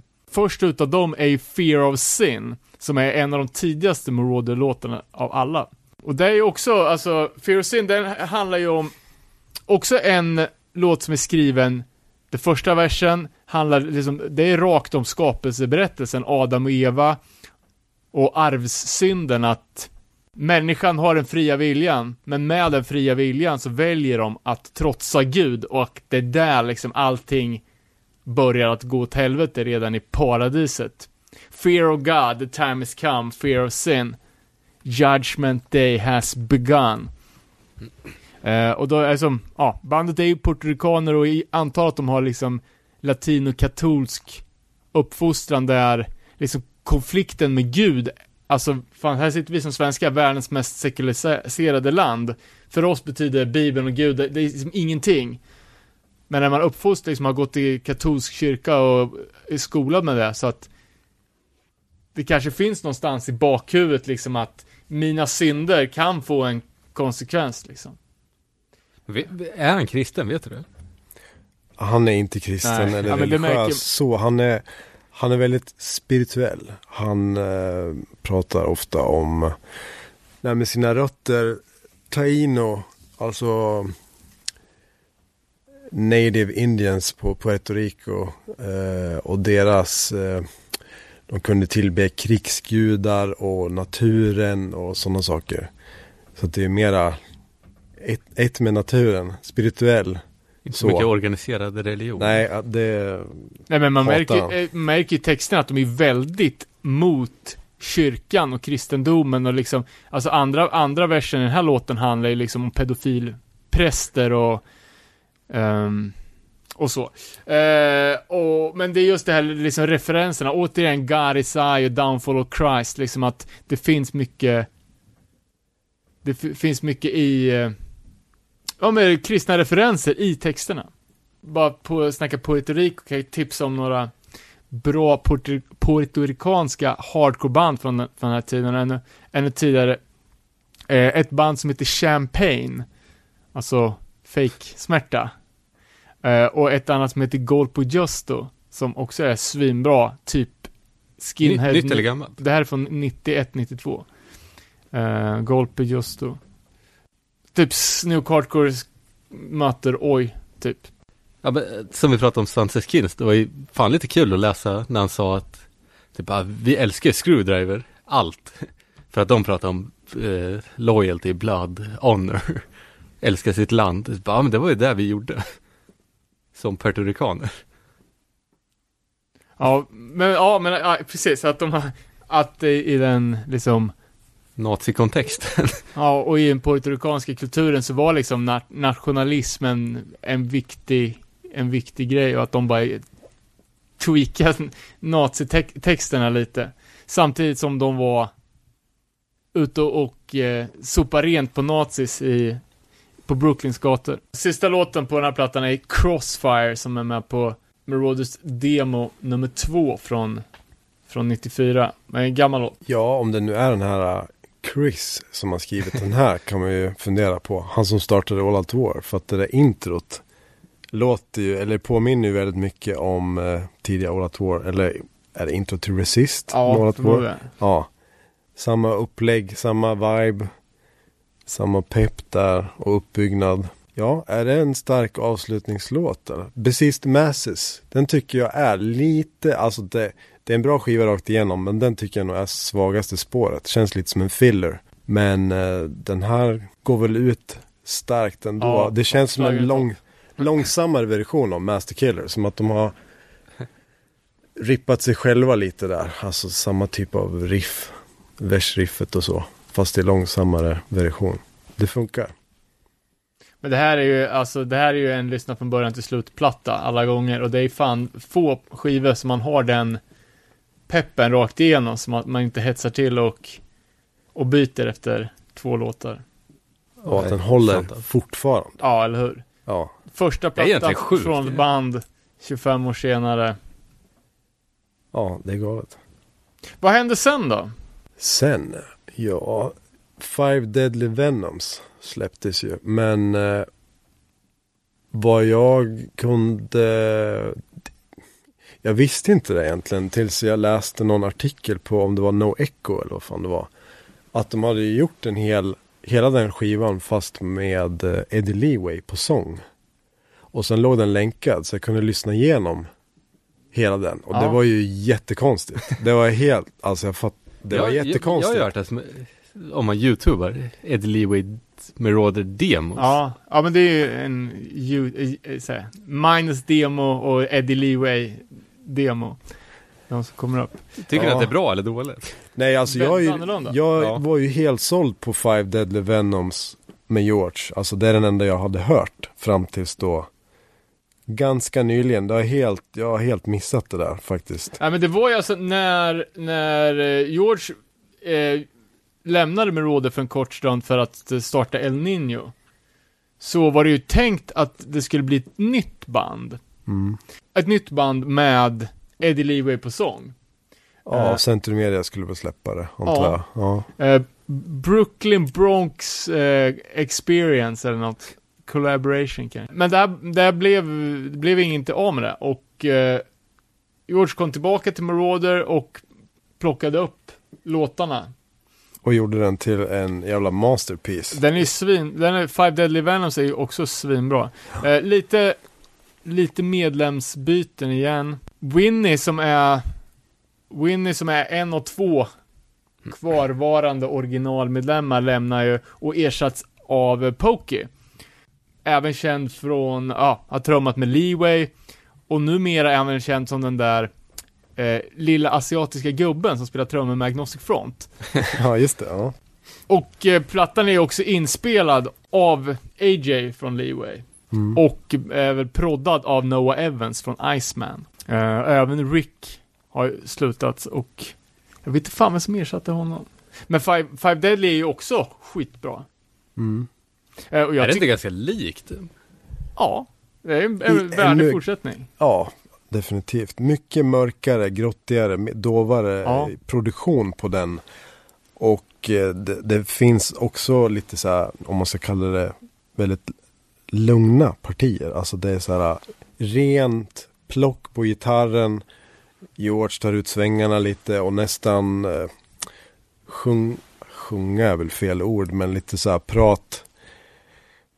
Han tar ner, han skriker inte på vissa partier utan att det låter eh, lökigt. Nej men han säger ju själv också att han är besviken, eller liksom inte nöjd med sin insats på Master Killer för att han var, de höll tillbaka honom. Han Ja. ville ta ut svängarna mer Mm. och visa hela sitt register och liksom få köra all in. Mm. Men att eh, Paris och kanske hans band också höll tillbaka honom och lät honom hålla liksom en jämn men bra nivå, men inte sväva ut för mycket. Mm. Och det är ju en del liksom nästan lite wailningar i, Ja, det är lite. Lee Wing-varning på vissa grejer som, som man gör jävligt grymt på den här plattan. Ja. Sen kom väl Blutality. Och det är väl den sista med eh, Saab. Den skivan.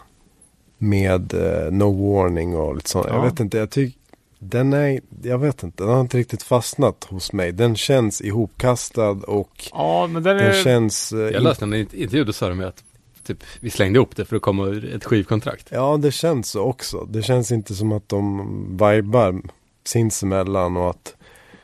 Eh, lite Ja men det är så här nödriff och- underground girl som är värsta punk, eh, liksom, eh, Så här För- skinhead-låt. ja exakt, och sen, eh, ja Brutality är ju svinbra. 41 shots. Ja. Ja. Eh, Och är det i den här vevan som de startar Ragman också eller? Den skivan är ju jävligt bra. ja, jag vet det, inte riktigt när Ragman-platta, spontant ska jag säga att det var lite senare, men det skulle kunna vara. Det skulle kunna vara. Vilka andra spelar i Ragman? Eh, Mitts från Madball. Bulldog från Earth Crisis spelade bas. Men jag tror att Busky spelade bas live. Alltså Busky som spelade i Terror då. Nu, Och sen- Victim. Another Victim, Syracuse, precis. Santa Sangre. Och sen eh, eh, Riggs spelade trummor. Som också spelade i Madball då. Det var väl eh, ja, ett DMS, DMS-band. Och de gjorde väl några spelningar. Jag tror att de också spelade i Europa. Så fem, sex gigs bara. Sen blev det inget mer av det. Men den skivan är ju väldigt bra. Ja, Där tar jag- han ju ut svängarna jag har lite. inte på gått sången. tillbaka till den på länge, det borde jag ha gjort alltså. Den är fet. Obstacles och vad heter de? Insomnia. Där kör de även eh, Territory med Sepultura cover. Eh, riktigt bra. Bra ljud, bra låtar. Han får ta ut svängarna lite där på sången. Och eh, nej, lyssna på den om ni inte har hört det. Den släpptes väl på GSR. Alltså det holländska bolaget. Samma som Born from Pain och Ja, Jag- Dead Jag har för att den släpptes på Malfunction, vinylen. Eh, finns den på vinyl? Ja. Okej. Ja, jag tror att Theo hade dem i Europa. Upp, ganska CD. små upplagor. Mm. Ja, nej, det har ju varit väldigt, väldigt många medlemmar i Marauder sen Master Killer-line-upen. Alltså det känns som att varje spelning har, har haft en ny uppsättning. Eh, tyvärr ganska dåliga musiker emellanåt.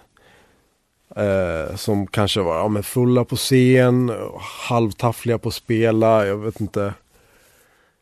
Eh, riktigt, eh, jag vet inte, de har inte gjort låtarna rättvisa riktigt. Men jag såg dem i, i Berlin, det är inte så länge sedan. Sist de var i Europa, tror jag det var. Då hade han ju plockat ihop eh, ett helt band från Florida som heter Rhythm of Fear. Alltså unga kids typ. Som har dyrkat den här skivan.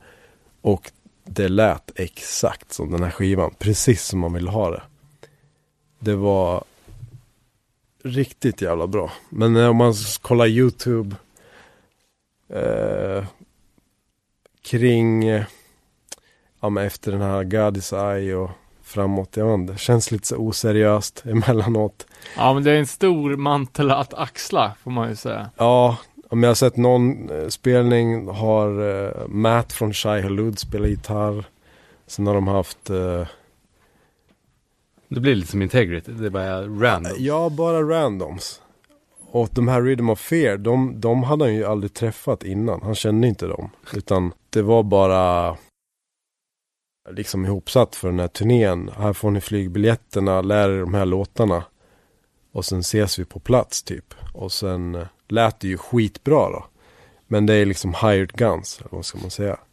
Så det är ju trist att det har blivit så. Eh, ja, vi startade Akani längs vägen. Vi har gjort en sjua, en fullängdare. Vi har eh, 14 nya låtar. Vi spelar in trummor till. Eh, det ligger på en hårddisk. Jag vet inte vad som sker med det. Men sakta men säkert ska väl det eh, spelas in helt klart och, och släppas. Och jag vet att Marauder har spelat in två nya låtar precis, alltså nu Okej. i våras. Och även tror jag att de spelade in Life is Pain och, fan var undrar om det var Master Killer och Life is Pain på nytt. Alltså man spelar in fem låtar nu till någon EP eller någonting. Det är ett svår, svårarbetad, alltså jag vet ju han är också, det är ju, han är lite kaotisk snubbe så. Eh, Ja, men han, säger, helt- han säger det liksom i intervjun ny- nyligen att, att de har svårt att, ja, men, att bli bokade för bra spelningar och turnéer och sånt. Att de kämpar, får kämpa en jävla uppförsbacke. hela tiden, konstant ja. Och att det är de kanske inte har den, eh, den nivån på turnéer som de borde kunna ha om det hade varit lite, lite mer rätt förhållanden. Precis. En bra manager och Ja. bra bokare och att det är ett fast, Fast gäng. ett fast gäng som roddar åt dem hela tiden. Absolut. Men han listar ju även flera Kanye-låtar som hans personliga favoriter av alla grejer han har varit involverad i. Ja, Så det är ju jävligt fett. ja. Nej, det, var, det har varit en väldigt eh, grym process det där. Hur vi connectar allihopa. Alltså även Daniel och, och Ceder. Med George när de först träffades och när vi började mejla låtar och idéer och sånt ihop. Och vi alla var på en väldigt dålig plats i livet då. Att det här det fungerade verkligen som, som te- terapi för oss alla. Att vi det blev en helt annan, alltså det blev som en spirituell grej för oss att vi alla hade samma mål. Vi, vi kände likadant inför allting och att det, ja, det är helt otroligt att vi fick ihop det där på den korta tid som det var. Eh, då, bara över mail egentligen och sen ja, att jag flög över och spelade in 14 lå- eller 15 låtar egentligen, det var 14 som släpptes. Och han skrev ju många texter på stående fot. Utan papper och penna. Alltså han egentligen improviserade med micken på. Bara skrek in skiten på stående fot. Så här first take bara. Gåshud. Det där tar vi. Så nej, jag ser fram emot att få klart de här nya låtarna. Och såklart att höra mer med Marauder. Men det känns som att det här, den här eran kring Master Killer, det är ju det. Alltså, man önskar att Saab inte gick bort.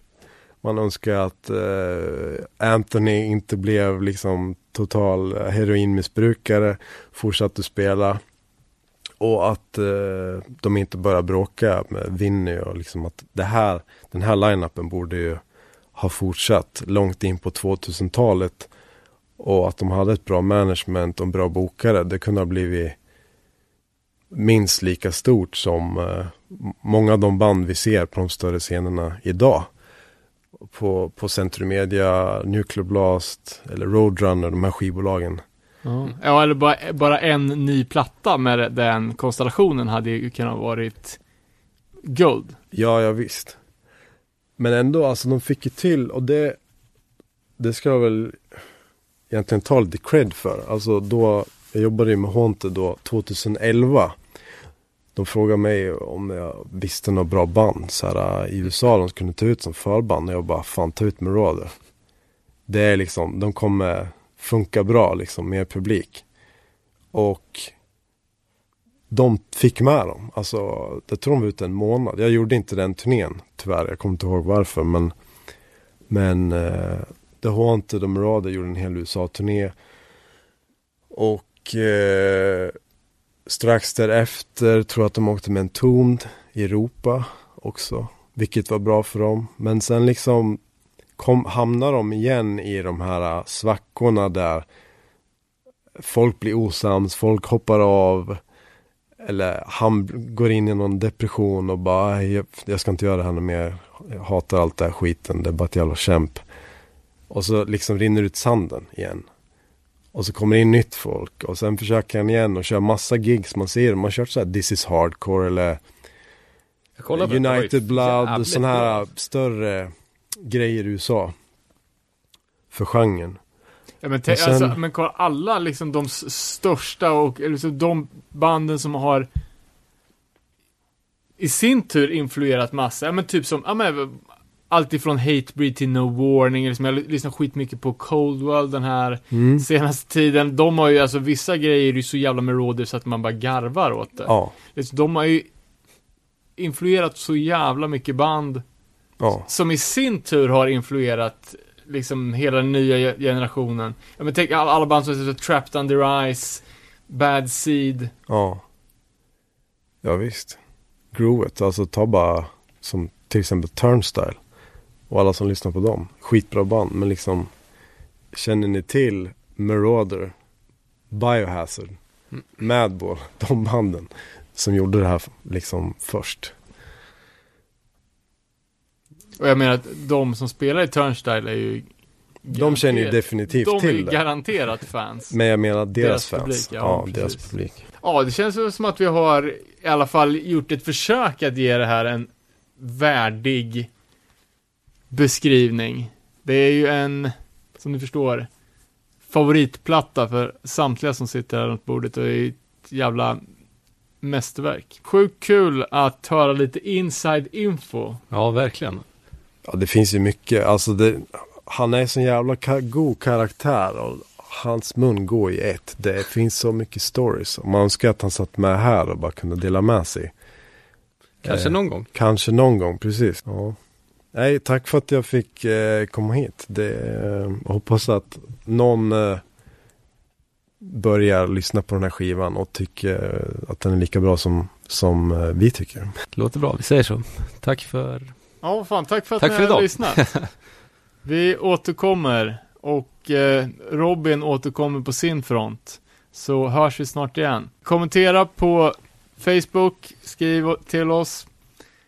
Vi har hemsidor, vi har ju Instagram, rubbet. Eh, vi älskar när folk interagerar med oss, så att det är bara att höra av er.